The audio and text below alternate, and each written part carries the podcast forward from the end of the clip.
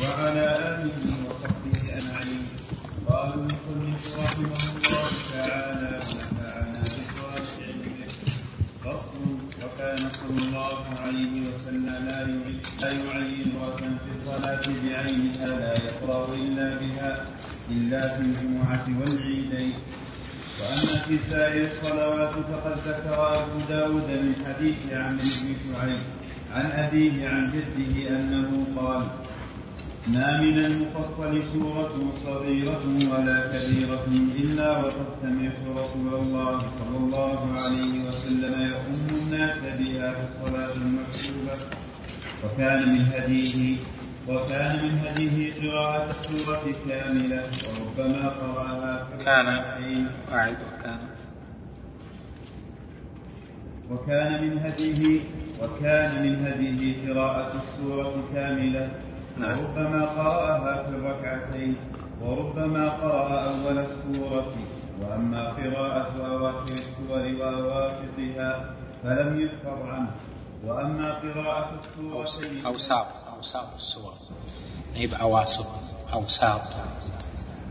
نعم. وأما قراءة أواخر السور وأوساطها أي نعم. فلم يحفظ عنه. وأما قراءة السورتين في ركعة فكان يفعله في النافلة وأما في الفرض فلم يحفظ عنه. وأما حديث ابن مسعود رضي الله عنه إني لأعرف النظائر التي كان رسول الله صلى الله عليه وسلم التي كان رسول الله صلى الله عليه وسلم يقرن بينهن التي يقرن بينهن السورتين في الركعة. الرحمن والنجم في ركعة واقتربت والحاقة في ركعة رحمك الله. والطور والذاريات في ركعة وإذا وقعت والنون في ركعة الحديث فهذا حكاية فعل لم يعين محله هل كان في الفرض أو في النفل وهو محتمل.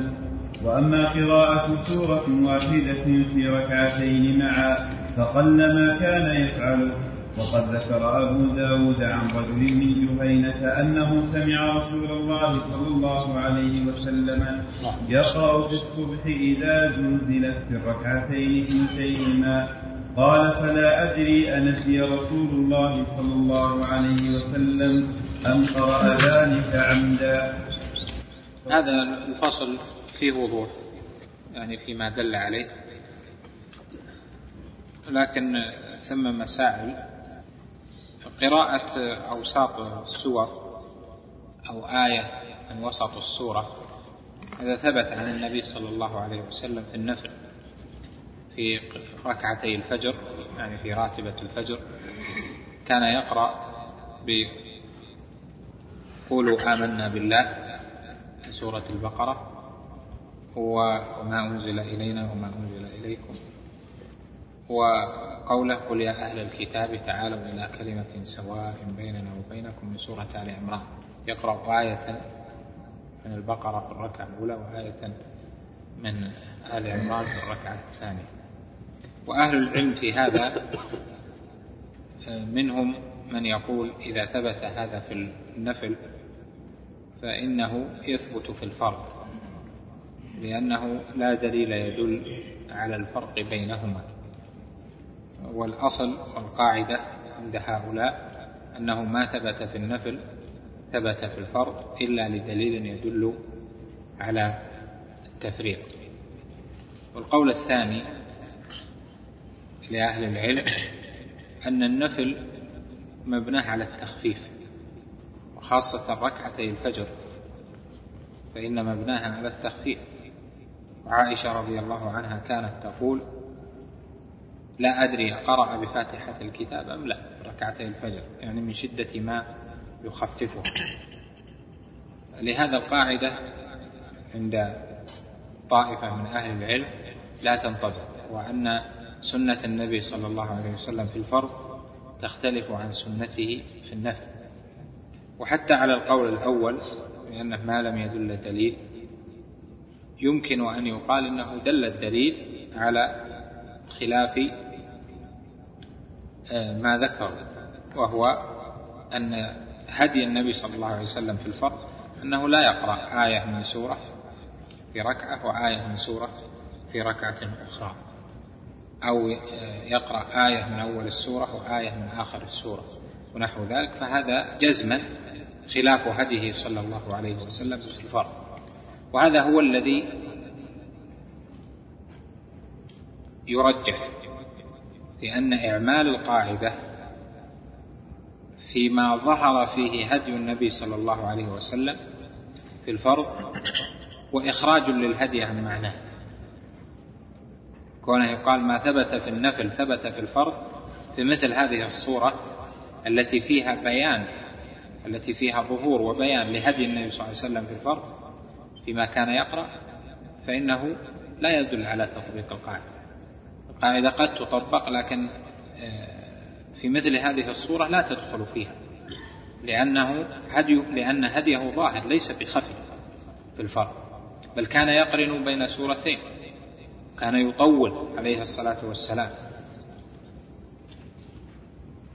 وأما أواخر السور فلم يكن عليه الصلاة والسلام يقرأ أواخر السور لكنه جائز ولأنه قرآن يدخل ضمن قوله جل وعلا أو يدخل في قوله تعالى فاقرأوا ما تيسر من القرآن وفي قوله صلى الله عليه وسلم للمسيء للمسيء صلاته ثم اقرأ ما تيسر من القرآن أو ثم اقرأ ما تيسر مما معك من القرآن. المسألة الثانية قراءة سورتين معا فيما ذكر أنه كان يقرأ إذا وقعت الواقعة ونون في ركعة. فهذا لعله يحمل على أنه قبل الترتيب الأخير يعني حصل منه عليه الصلاة والسلام قبل الترتيب. مثل ما حصل أنه قرأ سورة البقرة ثم النساء ثم آل عمران. والعلماء في هذا لهم وجهتان. الأولى أن يحمل ما جاء في مثل هذا المقام أنه قبل أن يستقر ترتيب السور. ترتيب السور الصحيح أنه توقيفي كما أن ترتيب الآيات توقيفي لكن ترتيب الآيات آه، هذا عامة أهل العلم عليه لأنه توقيفي وأما السور ففيه خلاف معروف. والوجهة الثانية أن يقال إن هذه القراءة ليدل على الجواز هي بعد الترتيب لكن لتدل على الجواز. يقرأ سورة ولا يقرأ التي بعدها. يقرأ سورة. وقد ثبت في الصحيح أن النبي صلى الله عليه وسلم أقر رجلا كان يقرأ سورة الإخلاص ثم يقرأ بعدها سورة. وقار وقار وأقر أيضا رجلا كان يقرأ سورة ثم يختم بسورة الإخلاص. هذا قرن بين السورتين المقصود من ذلك أن الأصل في هذا السعة وبعد وجود المصاحف يعني ترتيب المصاحف ومعرفة الناس فالأفضل آه، أن يكون أن تكون القراءة متسلسلة يعني يقرأ سورة ثم يقرأ التي بعدها إذا أراد أن يقرن بين سورتين. هذا هو الأفضل لأن فيه المحافظة على الترتيب والمحافظة على السنة. الغالبة الواضحة من هدي عليه الصلاة والسلام؟ مرت معنا هذه. صحيح إنها في السفر بس. صحيح إنها في السفر. إذا زلزلت الأرض زلزالها في السفر خاصة. نعم. ليس من السنة لكنها جائز لأن قراءة ما تيسر. لكن المحافظة على السنن في مثل هذا يعني ولو على غالب الأحوال أفضل. لا شك أفضل. صارت السورة نفسها? صارت السورة نفسها آخر هذا البداية أولها لا ما هذا مكروه. كأنها نفس السورة نفسها. لا. سورتين يعني؟ ويا ما انت بتقول وين اللي كان؟ انت بتقول آخر سورة ثم أول التي تليها؟ بالنسبة للإشكال في حديث يقرن السورتين لعدم ترتيبهم ولا مطلقا يقرن سورتين بركة قرن السورتين جاء هذا الواضح. يعني من من الفعل ومن الإقرار. فعله عليه الصلاة والسلام والقرار لكن الكلام على عدم الترتيب. نعم. كمل.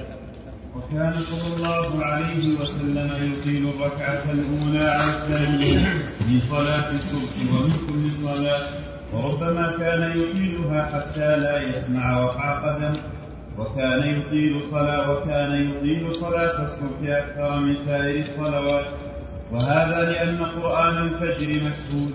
يشهده الله تعالى وملائكته وقيل يشهده ملائكة الليل والنهار. والقولان مبنيان والقولان مبنيان على أن النزول الإلهي هل يدوم إلى انقضاء صلاة الصبح أو إلى طلوع الفجر؟ وقد ورد فيه هذا وهذا. وأيضا فإنها لما نقص عدد ركعاتها جعل تطويلها عوضا عما نقص عما نقصته من العدد. وأيضا فإنها تكون تكون عقيب النوم. عقيب عقيب. وأيضا فإنها تكون عقيب النوم. والناس مستريحون وأيضا فإنهم لم يأكلوا بعد في استقبال المعاش وأسباب الدنيا. وأيضا فإنها تكون في وقت في وقت تواطأ فيه السمع واللسان والقلب لفراغه وعدم وعدم تمكن الاشتغال فيه. فيفهم فيفهم القرآن ويتدبره وأيضا فإنها أساس العمل وأوله. فأعطيت فضلا من الاهتمام بها وتطويلها وهذه أسرار إنما يعرفها من له التفات إلى أسرار الشريعة إلى أسرار الشريعة ومقاصدها وحكمها. والله المستعان.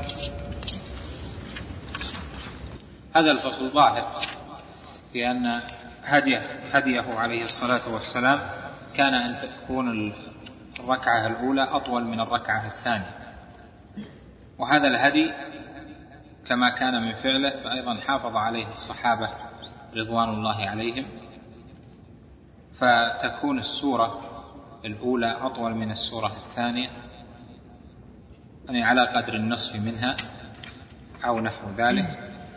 وتطويل القراءة في صلاة الصبح. ذكر لك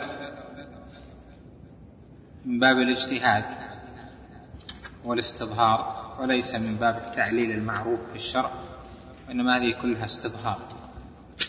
قال لأن قراءة الفجر مشهودة صلاة الفجر مشهودة كما قال تعالى في سورة الإسراء وقرآن الفجر إن قرآن الفجر كان مشهودا.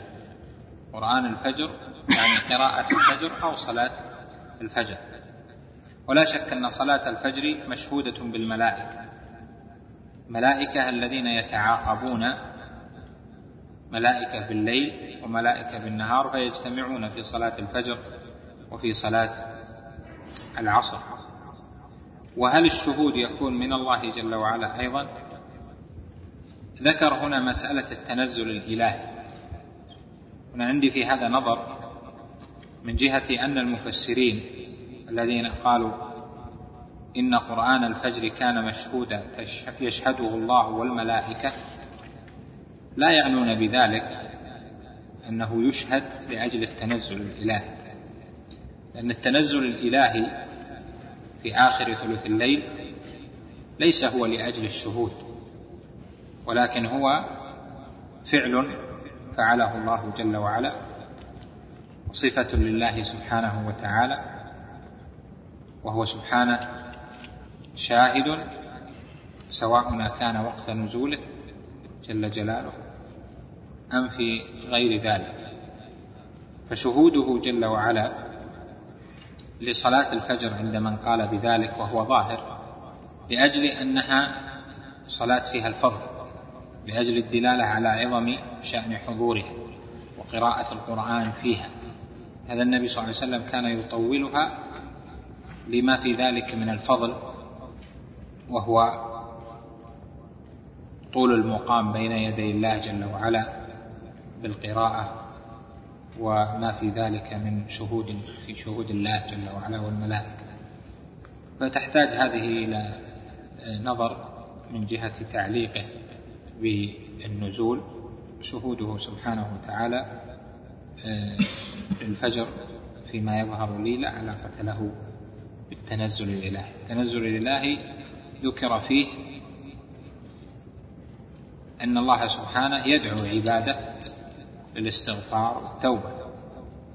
إن الله ينزل آخر كل ليلة حين يبقى الثلث الأخير. فيقول هل من داع فأستجيب له؟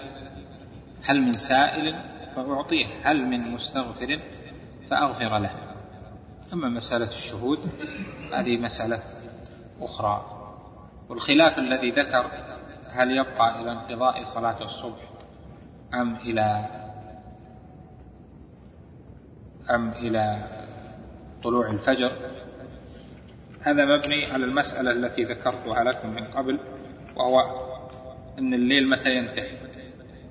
هل الليل ينتهي بطلوع الفجر أم بطلوع الشمس؟ وآخر ثلث الليل والثلث الأخير من الليل هل هو بحساب ما بين غروب الشمس وطلوع الفجر أو غروب الشمس وطلوع الشمس على الخلاف الذي ذكرته لكم في جلسة سبقت.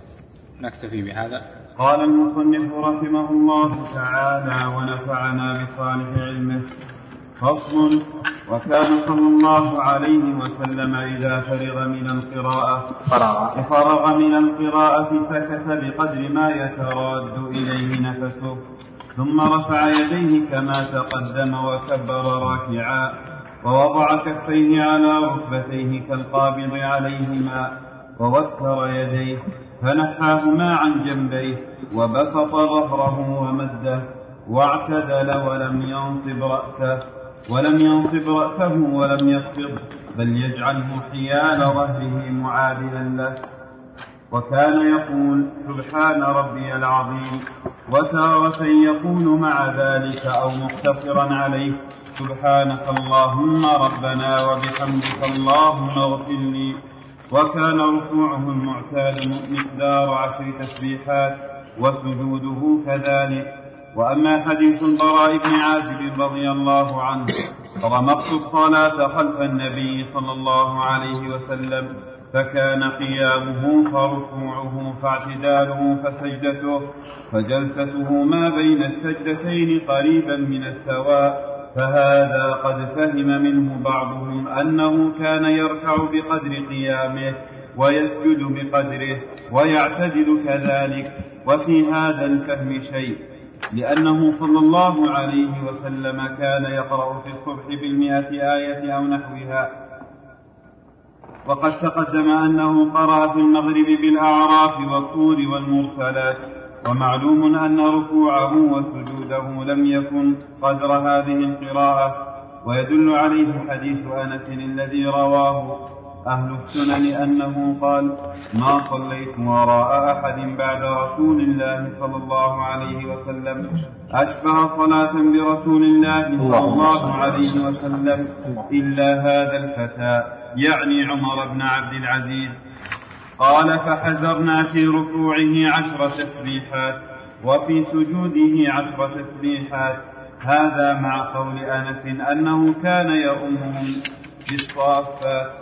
فمراد البراء والله أعلم أن صلاته صلى الله عليه وسلم كانت معتدلة فكان إذا أطال القيام أطال الركوع والسجود وإذا خفف القيام خفف الركوع والسجود وتارة يجعل الركوع والسجود بقدر القيام ولكن كان يفعل ذلك أحيانا في صلاة الليل وحدها وفعله وفعله أيضا وفعله أيضا قريبا من ذلك في صلاة فعله.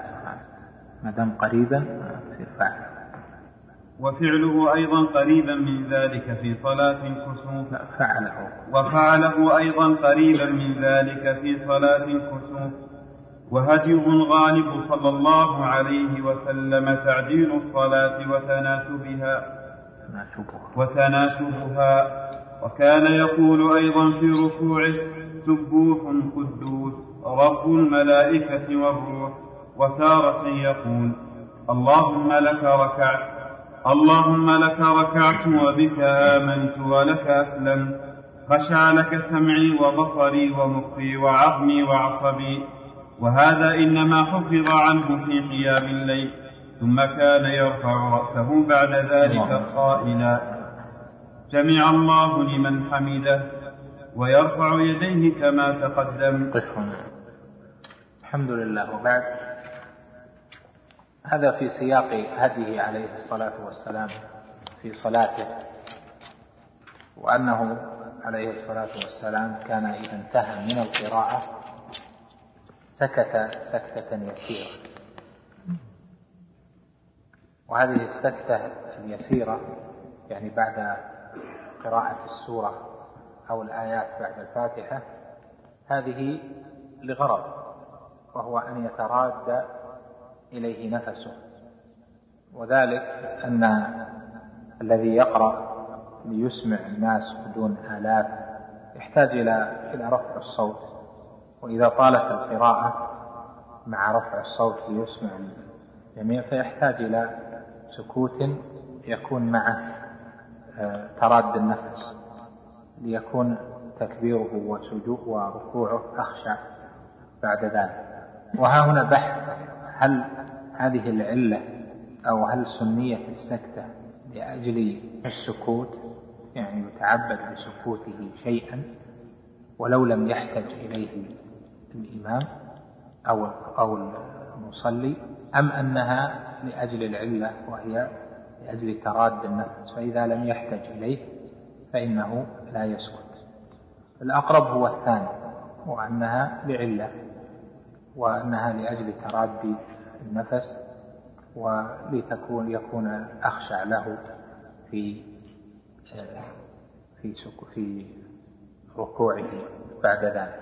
والسبب في هذا الترجيح أمران. الأول أن العلة جاءت في الرواية والثانية أنه ليس ثم في الصلاة سكوت بلا ذكر إنما السكوت الأول فيه ذكر.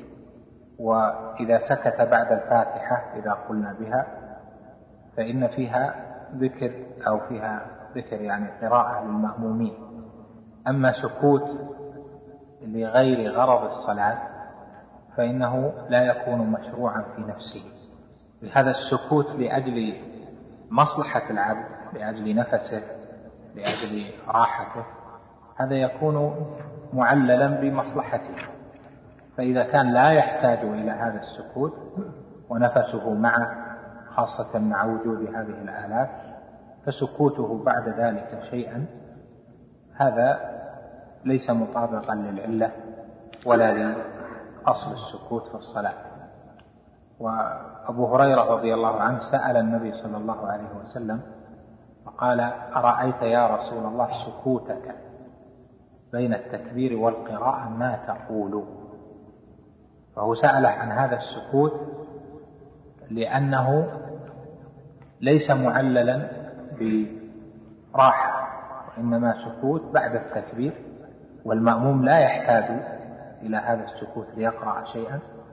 والإمام والمصلي لا يحتاج إليه لنفسه فظهر من لأبي هريرة أن هذا السكوت لأجل الذكر والصلاة كلها ذكر. لهذا سأل قال رأيت سكوتك ما تقول؟ عن السكوت الظاهر أنه لا يقول فيه شيء. فهذا فيه تنبيه على أن السكوت في الصلاة المشروع هو ما يكون فيه ذكر يعني المشروع مشروعية مطلقة.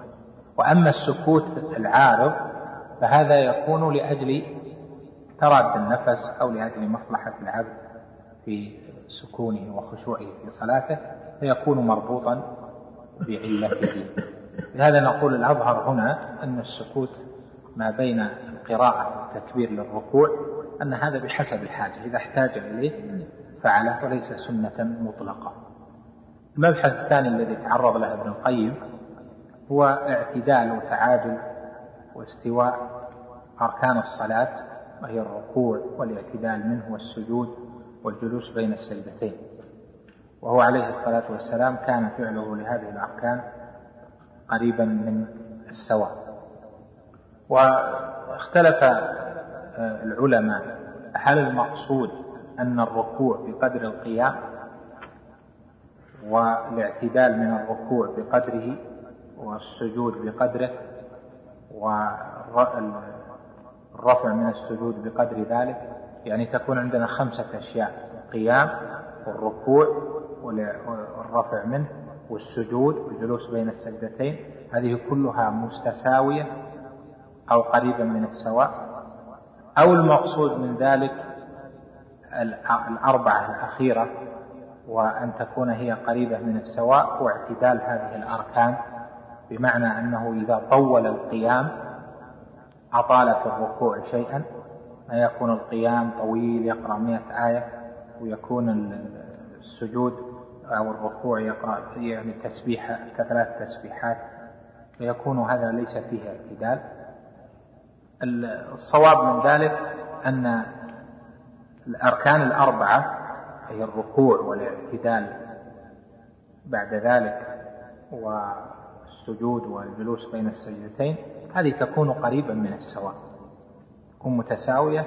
إذا سبح ثلاث وهي أدنى الكمال في الركوع سبحها في السجود وإذا سبح خمس سبحها في السجود وبعدها دعا وذكر الله بعد الاعتدال بمثلها وكذلك بعد الرفع من السجدة من السجدة الأولى يعني الجلوس بين السجدتين بمثلها. تكون هذه متقاربة إذا سبح عشر يطيل شيئا لأنها لأن الاعتدال بين هذه الأركان من حسن الصلاة. إذا تساوت صار هذا من حسن العمل. والله جل وعلا ابتلى العبد بإحسان العمل. والنبي عليه الصلاة والسلام كان ركوعه وقيامه يعني بعد الركوع وسجوده وجلوسه بين السجدتين قريبا من السواء معتدلة هذه. وذكر ابن القيم أن من فهم الفهم الأول وهو أن الركوع مثل القيام هذا أنه أنها سواء هذا بعيد لأنه يحتاج في ذلك كان يقرأ بالمئة آية والمئتين آية. إذا كان الركوع بقدرها صار ثم الاعتدال بقدرها ثم السجود بقدرها. مثلا قرأ في البقرة والنساء وآل عمران في ركعة. ثم ركع. هذه كم جزء؟ خمسة شيء. خمسة ثمنين يعني. خمسة ربع تقريبا. فإذا كان خمسة ربع تقرأ في في كم خمسة ربع؟ في ساعة وربع مثلا؟ يعني إذا قلت أن الجزء مثلا بتأني ربع ساعة من الحافظ الربع إلى ثلث ساعة خمسة تحتاج لا يقل عن ساعة ونصف. إذا قلت ساعة يعني ربع إلى ساعة ونصف. خلها ساعة وربع بعدين يصير الركوع ساعة وربع والاعتدال ساعة وربع والسجدة الأولى ساعة وربع يعني الركعة الواحدة ست ساعات. هذا لا شك أنه ليس مرادا بيقين.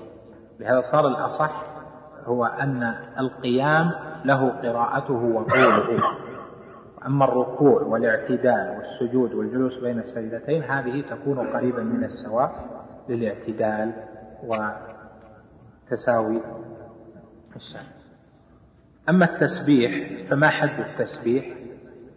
أكثر العلماء يقولون تسبيحة واحدة مجزئة وثلاث هي أدنى الكمال والخمس أوسطة أوسط الكمال. والكمال إلى سبع وعشر. كما جاء في حديث أنس أنه قال ما رأيت أحدا أشبه صلاة هذا الرجل فحذر قال فحذرنا تسبيحه فإذا هو يسبح عشر تسبيحات هذا الكمال. لكن هل له أن يسبح مثلا عشرين ثلاثين؟ له أن يسبح ذلك لكن لا يكون على هذا الحال إماما. لأن الإمام في الصلوات المفروضة الأصل فيه أن يخفف لقوله عليه الصلاة والسلام أيكم أما الناس فليخفف. والتخفيف نسبي فمن سبح ثلاثا فقد خفف ومن سبح خمسا أيضا فقد خفف وينتهي التخفيف إلى العشر. حسب إذا لم يكن وراءه آه، من يتأذى بذلك من الكبر يعني التخفيف نسبي. فإذا كان وراءه كبير يتأذى بالخمس أو بالعشر فهو يقتصر على ثلاث لأن الثلاث تخفيف. إذا كان ليس وراءه من يتأذى بهذا في الركوع والسجود فهو يسبح خمس وهكذا. أما التسبيح عشرين وثلاثين وخمسين كما قد يفعله بعض الناس فهذا ليس هو المفهوم من السنة ولا هو المفهوم من هدي السلف الصالح. وإنما إذا أراد الإنسان أن يصلي لنفسه فليطول ما شاء. ولكن إذا أما الناس فليخفف فإنه كما قال عليه الصلاة والسلام فإن فيهم الكبير والضعيف وذا الحاجة. ثم كان يقرأ كان يقرأ عليه الصلاة والسلام كان يقول في الركوع سبوح قدوس. سبوح قدوس معناها سبوح يعني المستحق أو أهل التسبيح يعني المستحق لتمام التسبيح.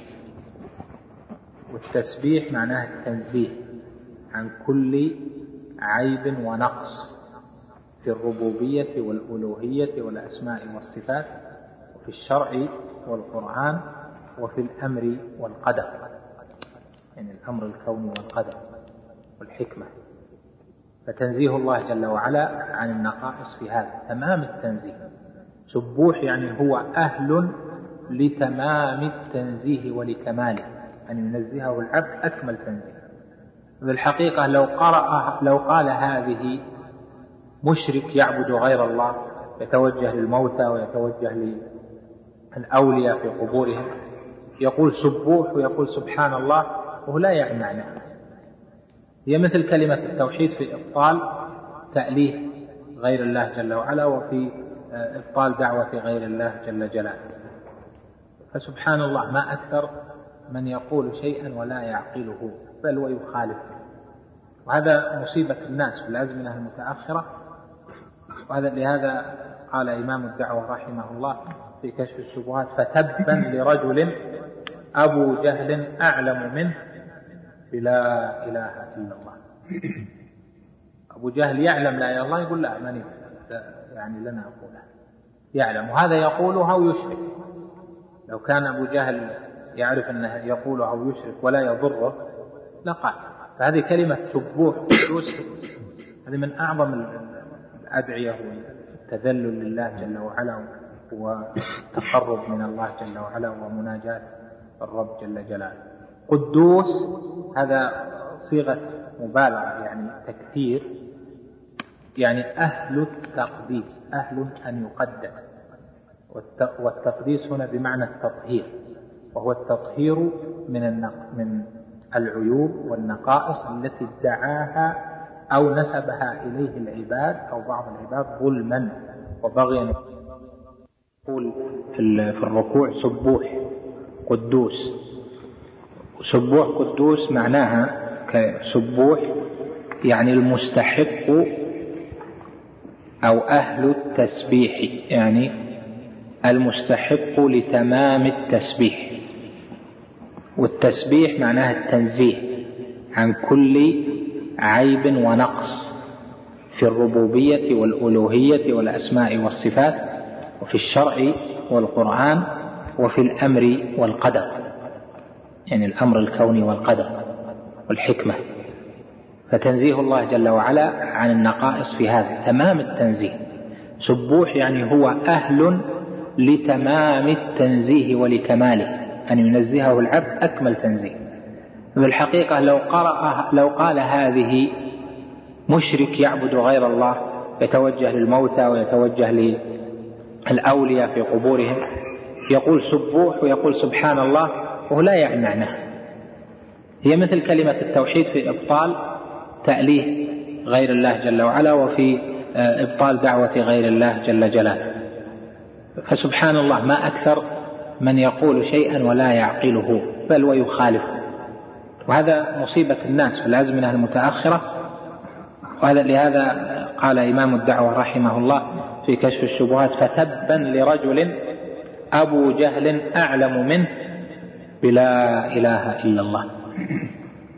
أبو جهل يعلم لا إله إلا الله يقول لا ماني يعني لنا أقولها يعلم وهذا يقولها ويشرك لو كان أبو جهل يعرف أنه يقولها ويشرك ولا يضره لقال. فهذه كلمة سبوح قدوس هذه من أعظم الأدعية والتذلل لله جل وعلا والتقرب من الله جل وعلا ومناجاة الرب جل جلاله. قدوس هذا صيغة مبالغة يعني تكثير يعني أهل التقديس أهل أن يقدس. والتقديس هنا بمعنى التطهير وهو التطهير من من العيوب والنقائص التي ادعاها أو نسبها إليه العباد أو بعض العباد ظلما وبغيا وعدوانا منه. تبارك ربنا وتعالى وتقدس. قال أيضا في الدعاء الآخر خشع لك سمعي وبصري ومخي وعظمي وبشري. اللهم لك ركعت وبك آمنت ولك أسلمت. خشع لك سمعي وبصري ومخي وعظمي وبشري. الخشوع معناه التطامن والذل وعدم الحركة. والخشوع يكون في القلب ويكون في الجوارح وفي اللسان.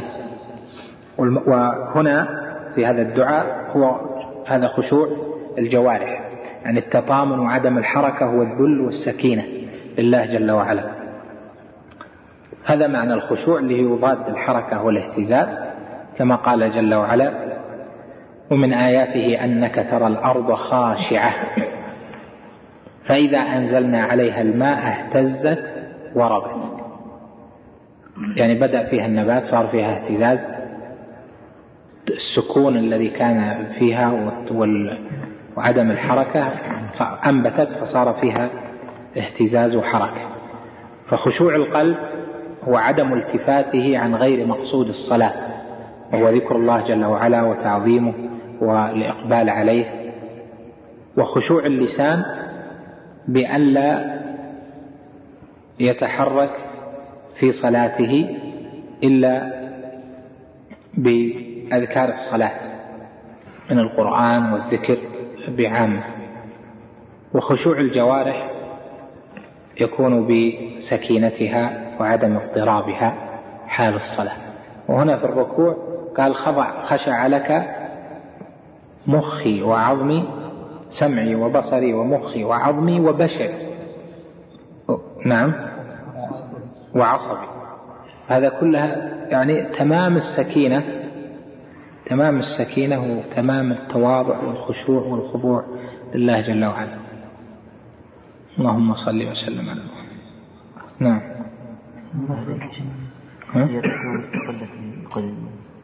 موجودة هنا؟ موجودة كتب الكتاب يعني معناها يعني الجسم البدن لكن ما أدري صحتها ما تعرف لا الروح جبريل رب الملائكة والروح. الروح المقصود هنا جبريل.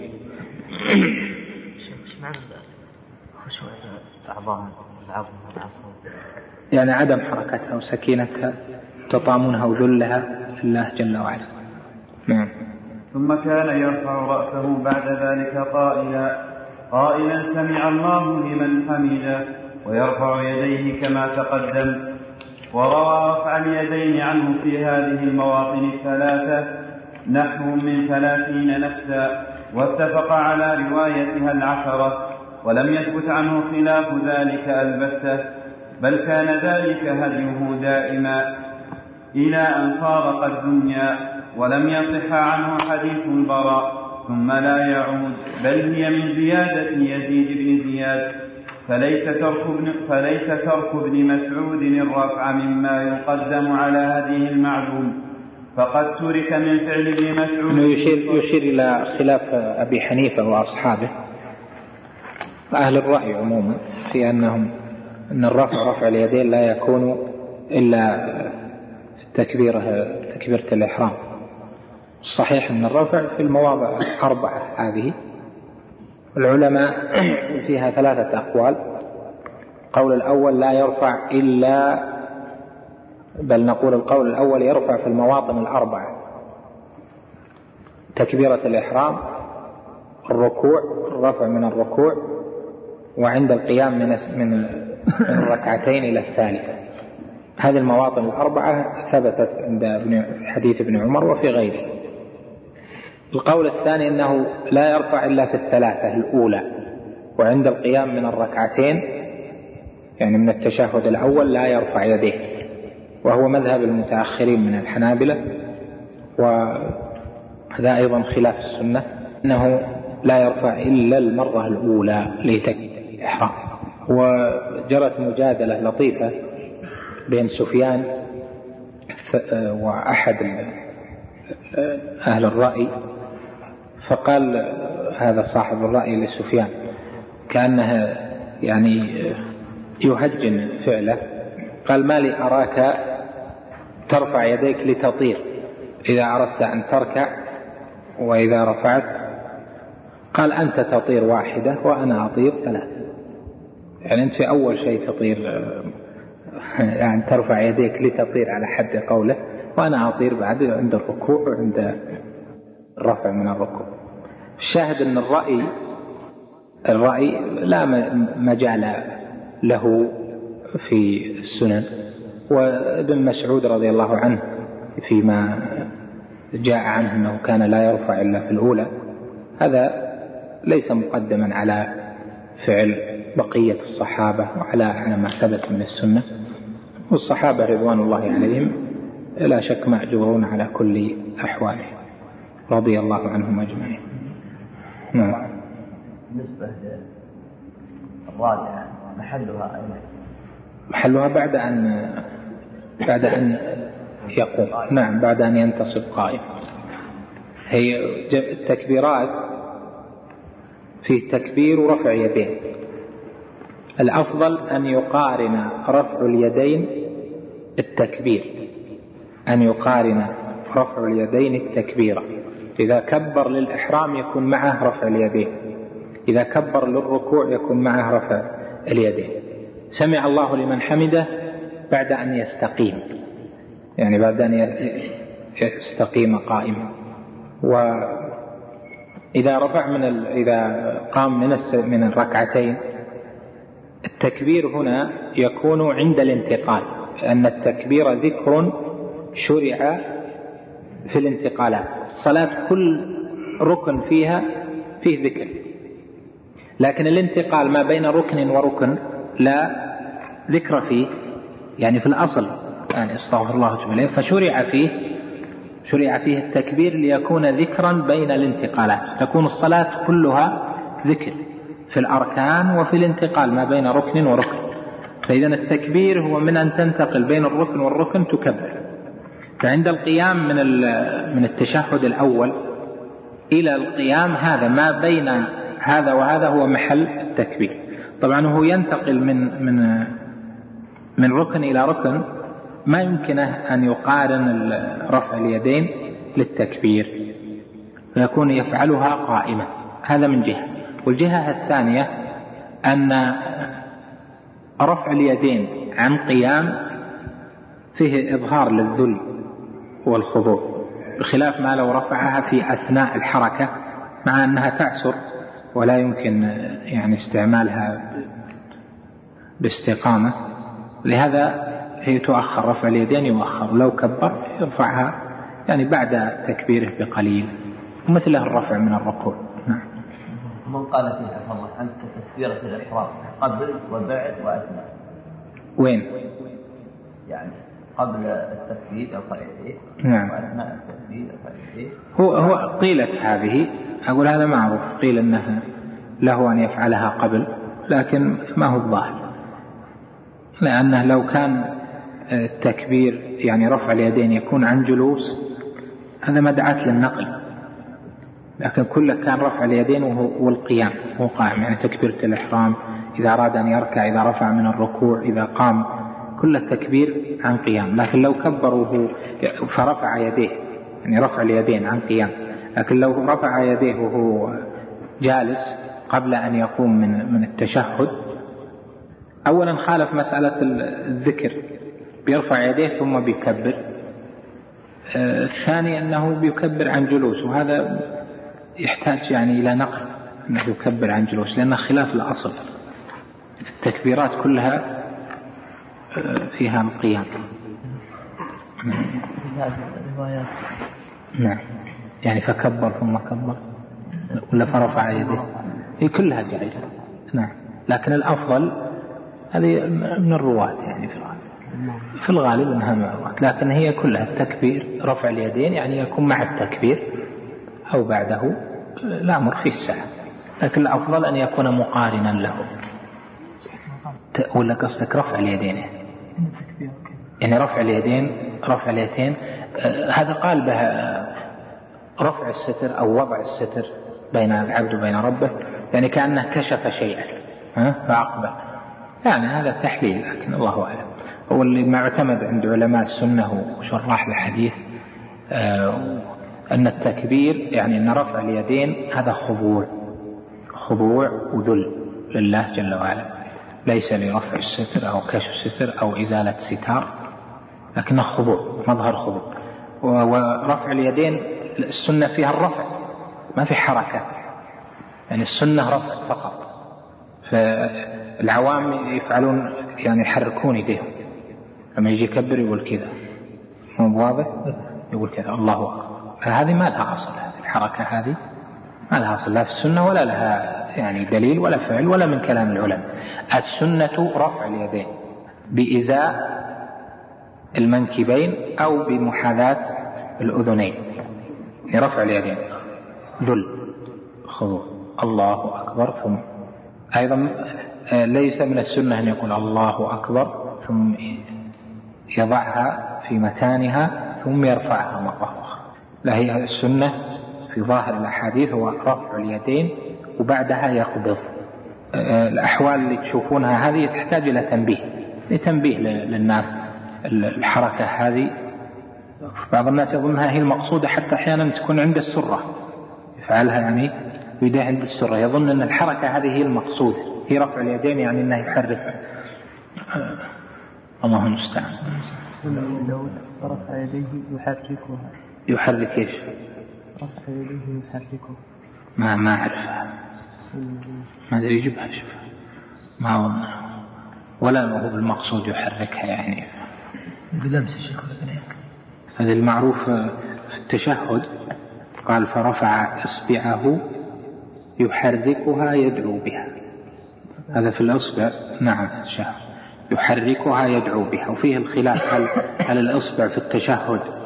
يعني في الجلوس إذا جلس للتشهد هل إذا أشار بإصبعه السبابة هل الإشارة فقط ولا يحركها دائما حتى يسلم أو يحركها عند التشهد وعند ذكر الله جل وعلا؟ الصواب أنه, أنه يشير بها ولا يحركها لأن زيادة يحركها يدعو بها هذه شاذة. الصواب الإشارة فقط. أما من قال من أهل العلم يحركها دائما فاعتمادا على الزيادة هذه وهي شاذة. لأنها مخارة خالف فيها راويها أربعة عشر من الناس آه، رووها عن وكذلك قول بعض العلماء أنه عند ذكر الله جل وعلا يرفع يعني إذا قال التحيات لله ذكر الله اسم الجلالة. رفع إصبعه. ثم إذا قال والصلوات الطيبات السلام عليك رفع إصبع ذكر السلام عليك أيها النبي ورحمة الله وبركاته. يعني الركوع المأموم يدرك الركعة بإدراك الركوع. ومعنى إدراك الركوع أو ضابط إدراك الركوع أن أن يوافق الإمام في القدر المجزئ من الركوع وهو ما تحصل به الطمأنينة وتسبيحه. ما تحصل به الطمأنينة التي هي ركن؟ الطمأنينة قدر تسبيحه. يعني مو بلازم يسبح وقد يكبر ويركع ولا يسبح لكن يعني قدرها اللي يحصل به الطمأنينة. لكن إنها إذا صار هو ينحني إلى أسفل يعني يركع والإمام يرفع. هذا ما اتفق معه في الركوع لابد أنه يجتمع المأموم مع الإمام في الاقتداء به راكعا قدر المجزئ وهو الطمأنينة مع مع قدر تسبيحه. أما أقل من ذلك لا يعد مدركا للركعة. نكتفي بهذا القدر. على حال اللي ما يعلم اللي ما يعلم الأمر في الساعة. هو الأئمة عندهم تجاوز أو يعني بعض بعض الأئمة في تطويل التكبير وتطويل قول سمع الله لمن مثلا الله أكبر. هذه طويلة. سمع الله لمن حمد يعني أخذت وقت. ظاهر اللي عرفنا علمنا عمل المشايخ وعرفناه وهو ظاهر السنة أنه يكون بسرعة. تكبيرة الإحرام صوت عالي لو مدها قليلا لكن بقية تكبيرات الانتقال تكون بسرعة. الله أكبر. سمع الله يعني بسرعة. ما يطول فيها يمدها لأن مدها يجعل المأموم يوافق الإمام على الأقل. إذا ما سبقه وقد يسبقه يعني الإمام يكبر وهو يسبقه يستقيم خاصة في بعض الحالات هو يكبر مثلا من في بعض الانتقالات. المأموم يكون أسرع في الانتهاء من في الانتقال من الإمام خاصة من من القيام إلى السجود. يجي الإمام أول ما يتحرك للسجود الله أكبر. يكون المأموم سجد وهو توه أصلا يمكن الإمام ما بعد وصلت ركبتاه إلى الأرض. ولذلك كان من من طريقة الجد الله يغفر له الشيخ محمد بن إبراهيم رحمه الله أنه ما يكبر إلا إذا يعني للسجود إلا إذا قارب قاربت ركبتاه الأرض. إذا قربت الركبتين إذا قربت الركبتان من الأرض كبر يكون تكبيره سريع. لأن عشان ما يوافقه المأموم ولا يسبقه يكون هو يمديه يسجد الإمام يضع جبهته وأنفه على الأرض قبل أن يصل المأموم إلى ذلك. هذه أمور بحاجة إلى عناية. لا شك وبحاجة إلى أن طالب العلم ينظر ما دلت عليه السنة وينظر أيضا عمل العلماء والمشايخ الذين يحرصون على الأحكام الفقهية في تطبيقها. وفق الله الجميع لما فيه رضاه. وعلى آله وصحبه أجمعين. قال المصنف رحمه الله تعالى ونفعنا بصالح علمه وكان دائما يقيم صلبه إذا رفع من الركوع وبين السجدتين وكان صلى الله عليه وسلم دائما يقيم صلبه إذا رفع من الركوع وبين السجدتين ويقول صلى الله عليه وسلم لا تجزئ صلاة لا يقيم فيها الرجل صلبه في الركوع والسجود. ذكره ابن خزيمة في صحيحه. وكان إذا استوى قائما قال ربنا ولك الحمد وربما قال ربنا لك الحمد وربما قال اللهم ربنا لك الحمد صح ذلك عنه. وأما الجمع بين اللهم والواو فلم يصح. وكان من هديه إطالة هذا الركن بقدر الركوع والسجود فصح عنه أنه كان يقول سمع الله لمن حمده. اللهم ربنا لك الحمد ملء السماوات وملء الأرض وملء ما شئت من شيء بعد. أهل الثناء والمجد أحق ما قال العبد وكلنا لك عبد. لا مانع لما أعطيت ولا معطي لما منعت ولا ينفع ذا الجد منك الجد. وصح عنه صلى الله عليه وسلم أنه كان يقول فيه اللهم اغسلني من خطاياي بالماء والثلج والبرد ونقني من الذنوب والخطايا كما ينقى الثوب الأبيض من الدنس. وباعد بيني وبين خطاياي كما باعدت بين المشرق والمغرب. وصح عنه صلى الله عليه وسلم أنه كرر فيه قوله لربي الحمد لربي الحمد حتى كان بقدر الركوع. وصح عنه صلى الله عليه وسلم أنه كان إذا رفع رأسه من الركوع يمكث حتى يقول القائل قد نسي من إطالته. حتى يقول القائل قد نسي من إطالته. لهذا الركن. وذكر مسلم عن أنس رضي الله عنه كان رسول الله صلى الله عليه وسلم إذا قال سمع الله لمن حمده. قام حتى نقول قد أوهم ثم يسجد ثم يقعد بين السجدتين حتى نقول قد أوهم.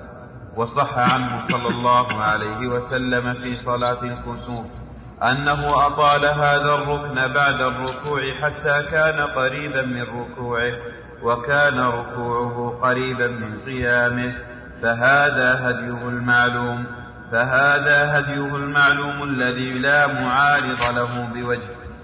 وأما حديث البراء بن عازب كان ركوع النبي صل كان ركوع رسول الله صلى الله عليه وسلم وسجوده وسجوده وبين السجدتين وإذا رفع رأسه من الركوع ما خلا القيام والقعود قريبا من السواء. رواه البخاري. فقد تشبث به من ظن تقصير هذين الركنين ولا متعلق له. فإن الحديث مصرح فيه بالتسوية بين هذين الركنين وبين سائر الأركان.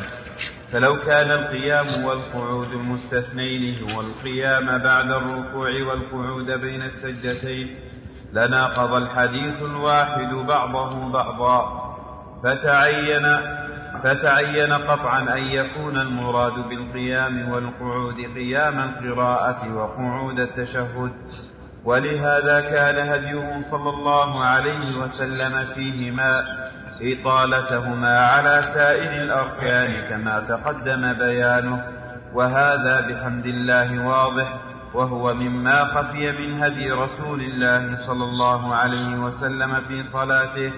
على من شاء الله أن يخفى عليه. قال شيخنا وتقصير هذين الركنين مما تصرف فيه أمراء بني أمية في الصلاة وأحدثوه فيها كما أحدثوا فيها ترك إتمام التكبير وكما أحدثوا التأخير الشديد وكما أحدثوا غير ذلك مما يخالف هديه صلى الله عليه وسلم وربي في ذلك من ربي حتى ظن أنه من السنة. الحمد لله. وبعد هذا تفصيل ظاهر بيان واضح في هدي النبي عليه الصلاة والسلام في ركوعه وإذا قام من الركوع وأنه عليه الصلاة والسلام كان إذا ركع كما مر معنا سالفا فإنه يسوي ظهره ويجعل رأسه في مستوى ظهره لا يصوبه ولا يرفعه. وهو إذا قام أيضا رفع من الركوع فهديه أيضا عليه الصلاة والسلام أنه يقيم صلبه بمعنى أنه يعود إلى حالته التي كان عليه.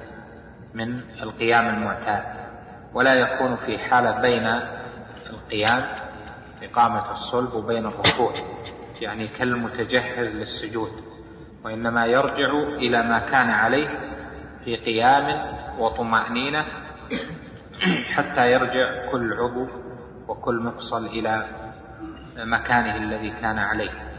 هذا هديه عليه الصلاة والسلام وكذلك هديه في كل الأركان. الانتقال من الركن إلى الركن يكون بالرجوع إلى الحالة التي كان عليها أو مثل ما بين السجدتين مثلا أنه يرجع إلى الحالة الطبيعية لمن جلس. وهذا هو معنى الطمأنينة. الطمأنينة في الصلاة التي هي ركن من الأركان هي أن يرجع كل مفصل وكل عضو إلى محله الطبيعي. فمثلا إذا ركع يكون حاله في الركوع أن يكون كل عضو منه كل مفصل في وضعه الطبيعي للراكع ويزاد عليه وضع اليدين آه، يعني إنزال اليدين ووضع اليدين وعدم إشخاصهما ما وضع اليدين على الركبتين فليس من صفة الركن وله بحث آخر. المقصود أن الركن فيه الطمأنينة. الطمأنينة ضابطها أن ينضبط كل عضو في مكانه وأن يرجع كل مفصل إلى مكانه. والحالة الثانية فيما ذكر هي حال الركوع والقيام من الركوع والجلوس بين السجدتين والسجود. وهذه ذكر أن هديه عليه الصلاة والسلام كان فيها قريبا من السواء ومر معنا الكلام على ذلك فيما سبق. أما الأذكار التي جاءت في آه، القيام من الركوع أو الاعتدال من الركوع فهي متعددة. ذكر منها عدد رحمه الله تعالى منها الدعاء أو الذكر المشهور أن يقول المصلي ربنا لك الحمد أو يقول ربنا ولك الحمد أو يقول اللهم ربنا لك الحمد. وهذه اختلف فيها الفقهاء والعلماء أي هذه أفضل. والصواب أن الأفضل فيها اللي عليه الأمر أن يقول ربنا ولك الحمد. ويليها اللهم ربنا لك الحمد ويليها ربنا لك الحمد. أما الجمع بين اللهم والواو فهذه ليست بثابتة كما ذكر ابن القيم هنا يعني الله يقول نعم ليست ثابتة. به اللهم ربنا ولك الحمد. والصحيح في الرواية فيها أنها اللهم ربنا لك الحمد بدون الواو فيها كما تتفق مع روايات الحديث الأخرى. وقد كان يقول عليه الصلاة والسلام أيضا فيها اللهم لك الحمد اللهم ربنا لك الحمد ملء السماوات وملء الأرض وملء ما بينهما وملء ما شئت من شيء بعد. وقوله ملء هنا معناه أن الحمد المستحق لله جل وعلا وحمد يستغرق الأمكنة وما خلق الله جل وعلا من مكان.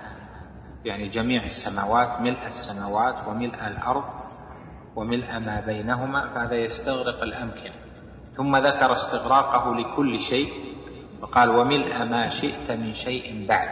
يعني من الأزمنة ومما لا نعلمه من مما يكون في غير ما ذكر. وفسر بعض أهل العلم ملء ما ملء السماوات وملء الأرض بأن الحمد لو كان أجساما لملأ ذلك. وهذا ليس بصحيح. وهو من التأويل يعني أن الحمد لو كان أجساما لملأ ذلك. وليس كذلك. فإنه فإن المكان يملأ بغير الأجسام.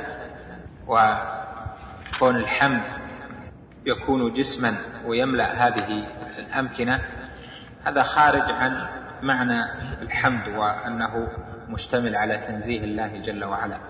فهذا الدعاء هذا الذكر فيه الثناء على الله جل وعلا بأنه هو المستحق للحمد بما يملأ أرجاء ملكه سبحانه وتعالى وملكوته وأن العبد مقر ومعترف لله جل وعلا. دعاء هذا الذكر فيه الثناء على الله جل وعلا بأنه هو المستحق للحمد بما يملأ أرجاء ملكه سبحانه وتعالى وملكوته. وأن العبد مقر ومعترف لله جل وعلا بأنه أهل الثناء وأنه هو المستحق لصفات الجلال والكمال. نثبت له ذلك في ألوهيته ربوبيته وأسمائه وصفاته وفي شرعه وكتابه وفي قدره وحكمته سبحانه وتعالى.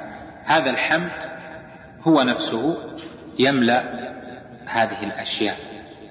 يعني لا يخلو مكان من أن يكون مملوءا باستحقاق الله جل وعلا للثناء ولصفات الجلال والكمال سبحانه وتعالى.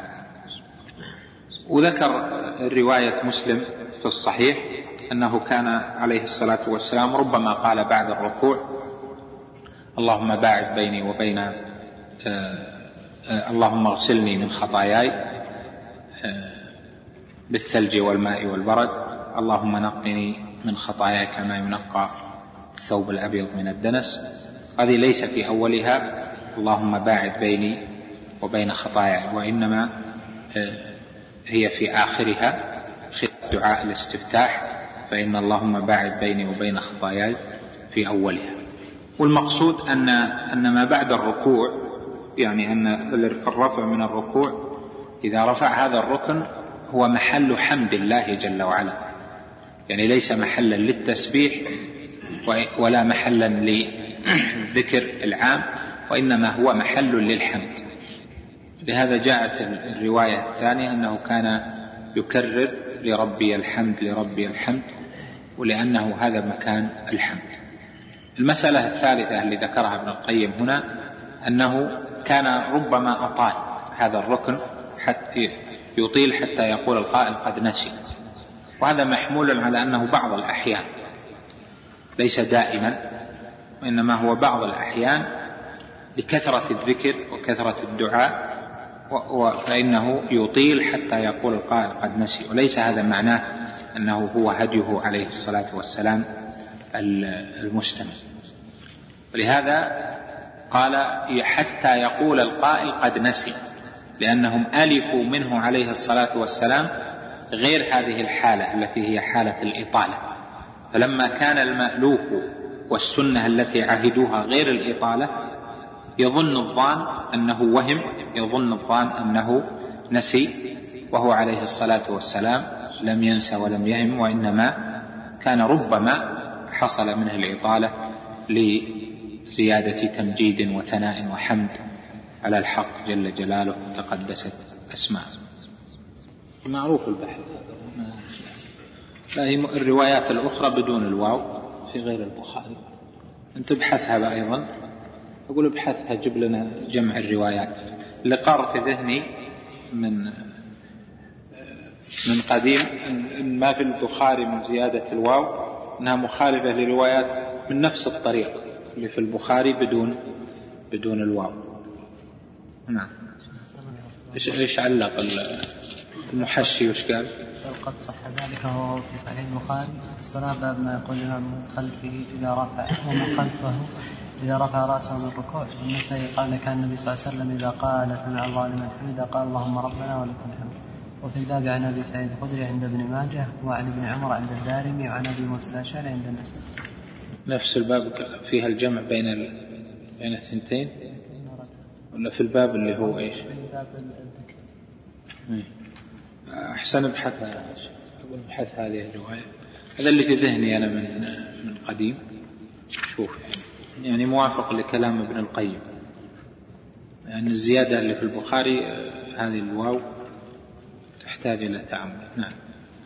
الإمام هو الإمام والمنفرد هما اللذان يقولان سمع الله لمن حمده. أما المأموم فيقول ربنا ولك الحمد. وذلك لما في الصحيحين من حديث أبي هريرة أن النبي صلى الله عليه وسلم قال وإذا قال الإمام سمع الله لمن حمده فقولوا ربنا ولك الحمد. ورتب ذلك بالفاء. فرتب أن يكون دعاء المصلي أو ذكر المصلي بعد قول الإمام سمع الله لمن حمده. فدل على أنه لا يشركه في هذا. والمعنى يناسب أن لا يشركه في هذا لأن قول سمع الله لمن حمده يعني من الإمام أجاب الله أو أثاب الله من حمده. يعني سمع وأثاب لمن حمده. نعم. ما يجمع بين الأذكار. الأذكار في الصلاة ينوع بينها لكن لا تجمع في موضع واحد. يعني مثلا أذكار الاستفتاح. وردت عدة أنواع خمس صفات في السنة. خمس صفات للاستفتاح. حديث أبي هريرة اللهم باعد بيني وبين خطاياي. وحديث عمر المعروف.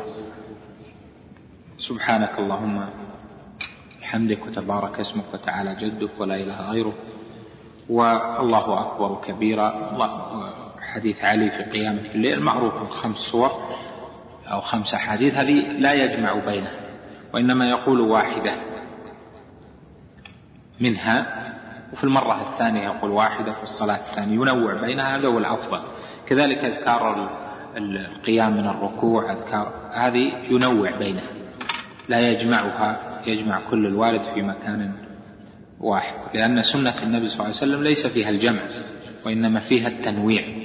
فإذا ثبتت السنة بالتنويع فإنه ينوع آه، كما نوع النبي عليه الصلاة والسلام. وأما الحديث الذي فيه الجمع ما بين دعاء الاستفتاح سبحانك اللهم وبحمدك واللهم باعد بيني وبين خطاياي هذا حديث معلول عند أهل العلم. وقد ذكر علته ابن أبي حاتم في العلل وذكره غيره فلا يصح الجمع بينهما آه، في حديث. نعم. فصل. ثم كان صلى الله عليه وسلم يكبر ويخر ساجدا ولا يرفع يديه وقد روي عنه أنه كان يرفعهما أيضا. وصححه بعض الحفاظ كابي محمد كابي محمد. وصححه بعض الحفاظ كابي محمد بن حزم رحمه الله. وهو أعد فصل ثم كان صلى الله عليه وسلم يكبر ويخر ساجدا ولا يرفع يديه. وقد روي عنه أنه كان صلى الله عليه وسلم يرفعهما أيضا. وصححه بعض الحفاظ كابي محمد بن حزم رحمه الله وهو وهم فلا يصح ذلك عنه البتة. والذي غره أن الراوي غلط من قوله كان يكبر في كل خفض ورفع إلى قوله كان يرفع يديه عند كل خفض ورفع. وهو ثقة ولم يفطن لسبب غلط الراوي ووهمه فصححه والله أعلم. وكان صلى الله عليه وسلم يضع ركبتيه قبل يديه ثم يديه بعدهما ثم جبهته وأنفه. هذا هو الصحيح. هذا هو الصحيح الذي رواه شريك عن عاصم بن كليب عن أبيه عن وائل بن حجر. رأيت رسول الله صلى الله عليه وسلم إذا سجد وضع ركبتيه قبل يديه وإذا نهض رفع يديه قبل ركبتيه ولم يروى في فعله ما يخالف ذلك. وأما حديث أبي هريرة يرفع إذا سجد أحدكم فلا يبرك كما يبرك البعير وليضع يديه قبل ركبتيه. فالحديث والله أعلم قد وقع فيه وهم وهم من بعض الرواة. فإن أوله يخالف آخره فإنه إذا وضع يديه قبل ركبتيه. فقد برك كما يبرك البعير فإن البعير إنما يضع يديه أولا. ولما علم أصحاب هذا القول أصحاب هذا القول ذلك قالوا ركبة البعير ركبة البعير, ركبة البعير في يديه لا في رجليه. ركبة البعير في يديه لا في رجليه. فهو إذا برك وضع ركبتيه أولا. فهذا هو المنهي عنه وهو فاسد لوجوه.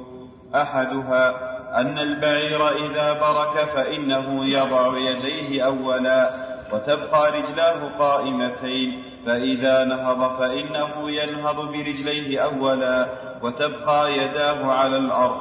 وهذا هو الذي نهى عنه صلى الله عليه وسلم. وفعل خلافه وكان أول ما يقع منه على الأرض الأقرب منها فالأقرب وأول ما يرتفع عن الأرض منها الأعلى فالأعلى وكان يضع ركبتيه أولا ثم يديه ثم جبهته وإذا رفع رفع رأسه أولا رفع رأسه أولا ثم يديه ثم ركبتيه وهذا عكس فعل البعير. وهو صلى الله عليه وسلم نهى في الصلاة عن التشبه بالحيوانات فنهى عن بروك كبروك البعير والتفات كالتفات الثعلب وافتراش وافتراش كافتراش السبع وإقعاء كإقعاء الكلب ونقر كنقر الغراب ورفع الأيدي وقت السلام كأذناب الخيل الشمس فهدي المصلي مخالف لهدي الحيوانات الثاني أن قولهم ركبة البعير. أن نعم الثاني. أن قولهم ركبة البعير في يديه كلام لا يعقل ولا يعرفه أهل اللغة وإنما الركبة في الرجلين. وإن وإن أطلق على اللتين في يديه اسم الركبة فعلى سبيل التغليب. الثالث أنه لو كان كما قالوه لقال فليبرك كما يبرك البعير وإن أول ما يمس الأرض من البعير يداه وسر, وسر المسألة أن من تأمل بروك البعير وعلم أن النبي صلى الله عليه وسلم نهى عن بروك كبروك البعير. علم أن أن حديث وائل بن حجر هو الصواب والله أعلم. وكان يقع لي أن حديث أبي هريرة كما ذكرنا ممن قلب على بعض الرو... ممن قلب على بعض الرواة متنه وأصله ولعله أن يضع ركبتيه قبل يديه كمن قلب على بعضهم حديث ابن عمر إن بلالا يؤذن بليل فكلوا واشربوا فكلوا واشربوا حتى يؤذن ابن ابن أم مكتوم. فقال ابن أم مكتوم يؤذن بليل فكلوا واشربوا حتى يؤذن بلال. وكمن قلب على بعضهم حديث لا يزال يلقي في النار. فتقول هل من مزيد؟ لا يزال يلقى في النار. فتقول هل من مزيد؟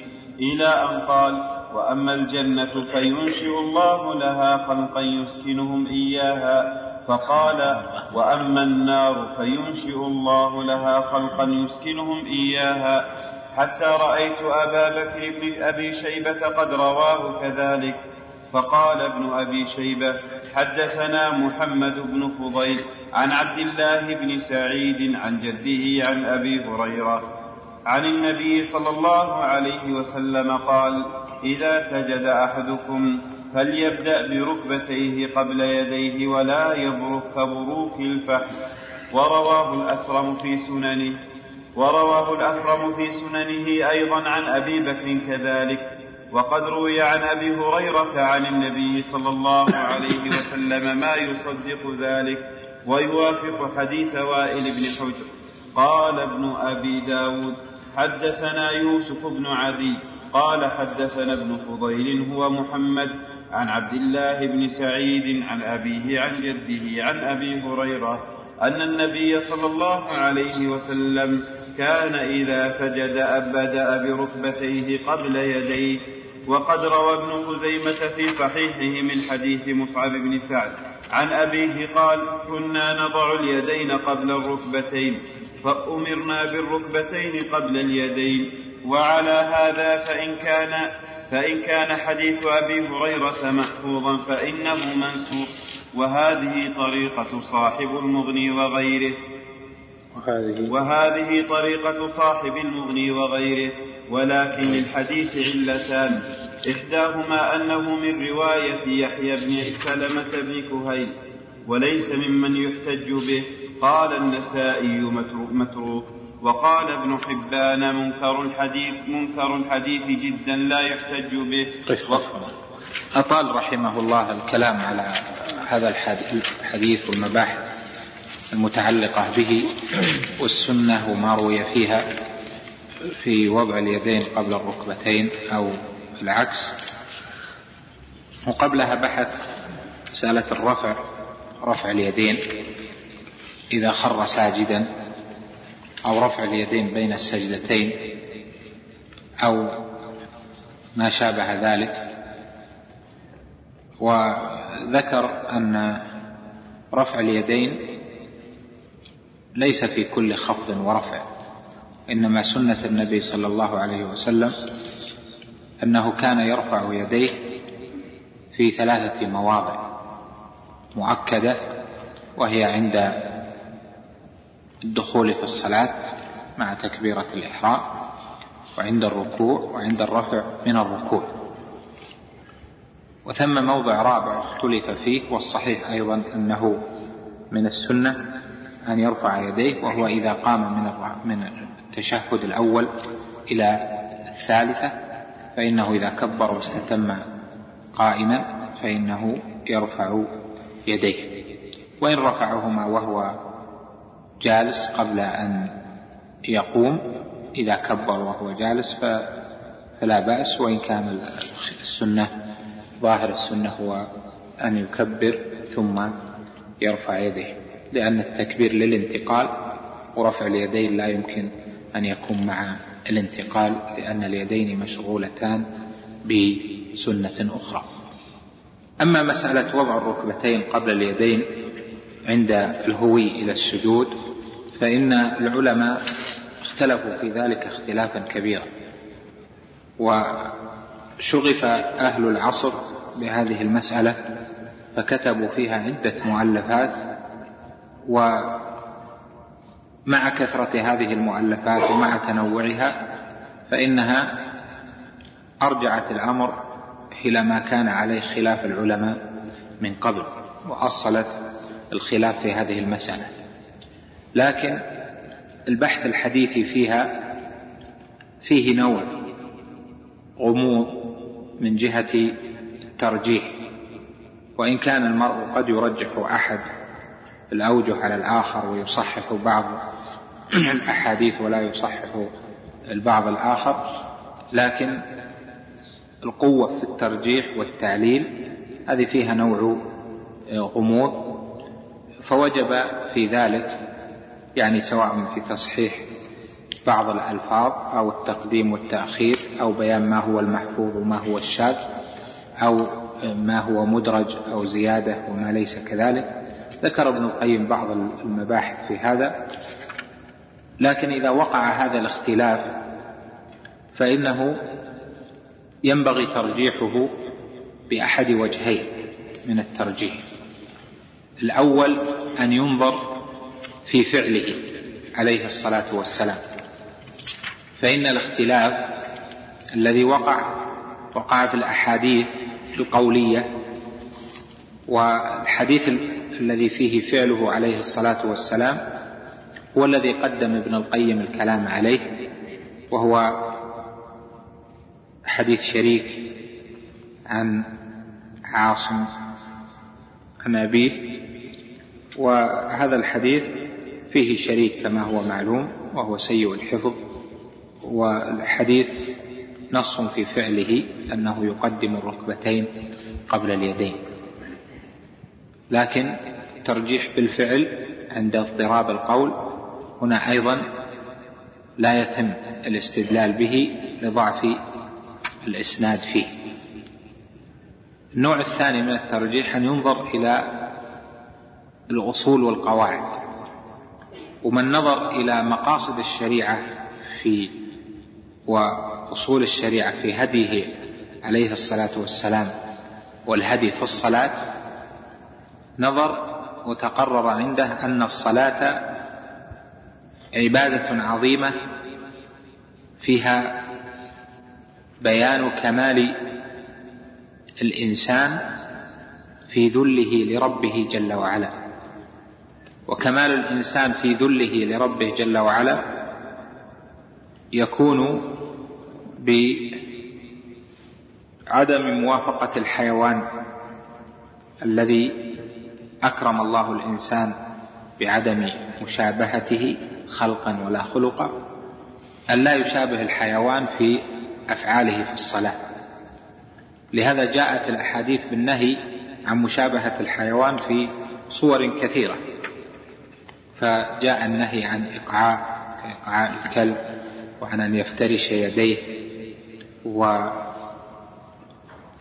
النهي في عن آه، إلصاق يعني الأمر بالمجافاة والنهي عن إلصاق البطن بالفخذين وجاء النهي عن عن صور أخرى وعن نقرة كنقرة الغراب في السجود ونحو ذلك. فدل هذا على أن مقصود الشارع هو مخالفة الحيوان في أنواع الذل لله جل وعلا في الركوع والسجود والانحطاط والقيام والهيئات. لأن هذه حالة كمال التي هي الصلاة ومشابهة الحيوان فيها حالة نقص. إذا تقرر هذا فيدخل في الصور صورة الهوي إلى السجود والرفع من أيضا القيام بعد السجود أو بعد التشهد القيام أو بعد جلسة الاستراحة القيام إلى الركعة التي تليها. هذه الهيئة إذا لم يشبه فيها الحيوان فإنه الذي هو البعير في هذه الصورة فإنه يكون موافقا لأصل السنة في أفعال الصلاة وعدم المشابهة. والبعير الذي نهي عن مشابهته في الهوي وفي القيام عن بروك كبروك البعير هذا له هيئة وله يعني له هيئة في الهوي في بروكه وله هيئة في قيامه وله وسيلة لتحقيق تلك الهيئة. فنظر كثير من أهل العلم إلى الوسيلة وتركوا النظر في الهيئة. ومقصود الشارع إنما هو مقصود المقاصد لا الوسائل. لأن الوسائل محققة للمقاصد ليست هي المقصودة في الأساس. لهذا نقول إن المكروه في هذه الحالة أن يشابه البعير في الهيئة. وأن المستحب والسنة أن لا يشابه البعير في الهيئة وهذا يدل عليه نهيه صلى الله عليه وسلم عن بروك كما يبرك البعير أو كبروك البعير. فنهى عن المماثلة والمشابهة أن يشابه البروك البروك لا على ما يبرك عليه يعني ليس فيه نهى أن يبرك على ما يبرك عليه البعير وإنما نهى عن بروك كبروك البعير يعني ألا تشبه الهيئة الهيئة لأن الإنسان أكرمه الله جل وعلا ولا ينبغي له أن يتشبه بالحيوان الذي رفعه الله جل وعلا عنه وفضله. لهذا بروك البعير بدون ما ندخل في النظر في البحث هل يد هل ركبة البعير في يديه أم في ركبتيه؟ وإن كان الأرجح عند أهل اللغة أنهما في يديه إما بالأصالة أو تغليبا. لكن البحث يكون من جهة الهيئة فإن البعير إذا نزل يكون آخره أعلى من رأسه. هذه هي الهيئة المنكرة. وإذا رفع أيضا إذا أراد أن يقوم إذا برك يكون تكون مؤخرته أعلى من رأسه. وإذا قام أيضا فإنه يكون مؤخرته أعلى من رأسه. وهذه الهيئة هي الهيئة المنكرة وهي مشينة. حتى إذا تأملها الإنسان من جهة الفطرة مشينة في حق ابن آدم. لهذا إذا حصل من ابن آدم إذا حصل من المسلم أنه في صلاته لا يبرك كبرك البعير بمعنى أنه يكون نزوله بمؤخرته قبل نزوله بمكان شرفه وهو رأسه فإنه حصل المقصود من السنة. يعني إذا نزل بيديه لكن رأسه أعلى جعل يديه أول ما يقع على الأرض لكن رأسه أعلى وآخر الإنسان هو هو الأسفل فإن هذا محقق للمقصود من عدم المشابهة في الصورة. وإذا نزل بركبتيه ورأس ورأسه قائم مع جذعه فإنه أيضا يكون حقق الصورة.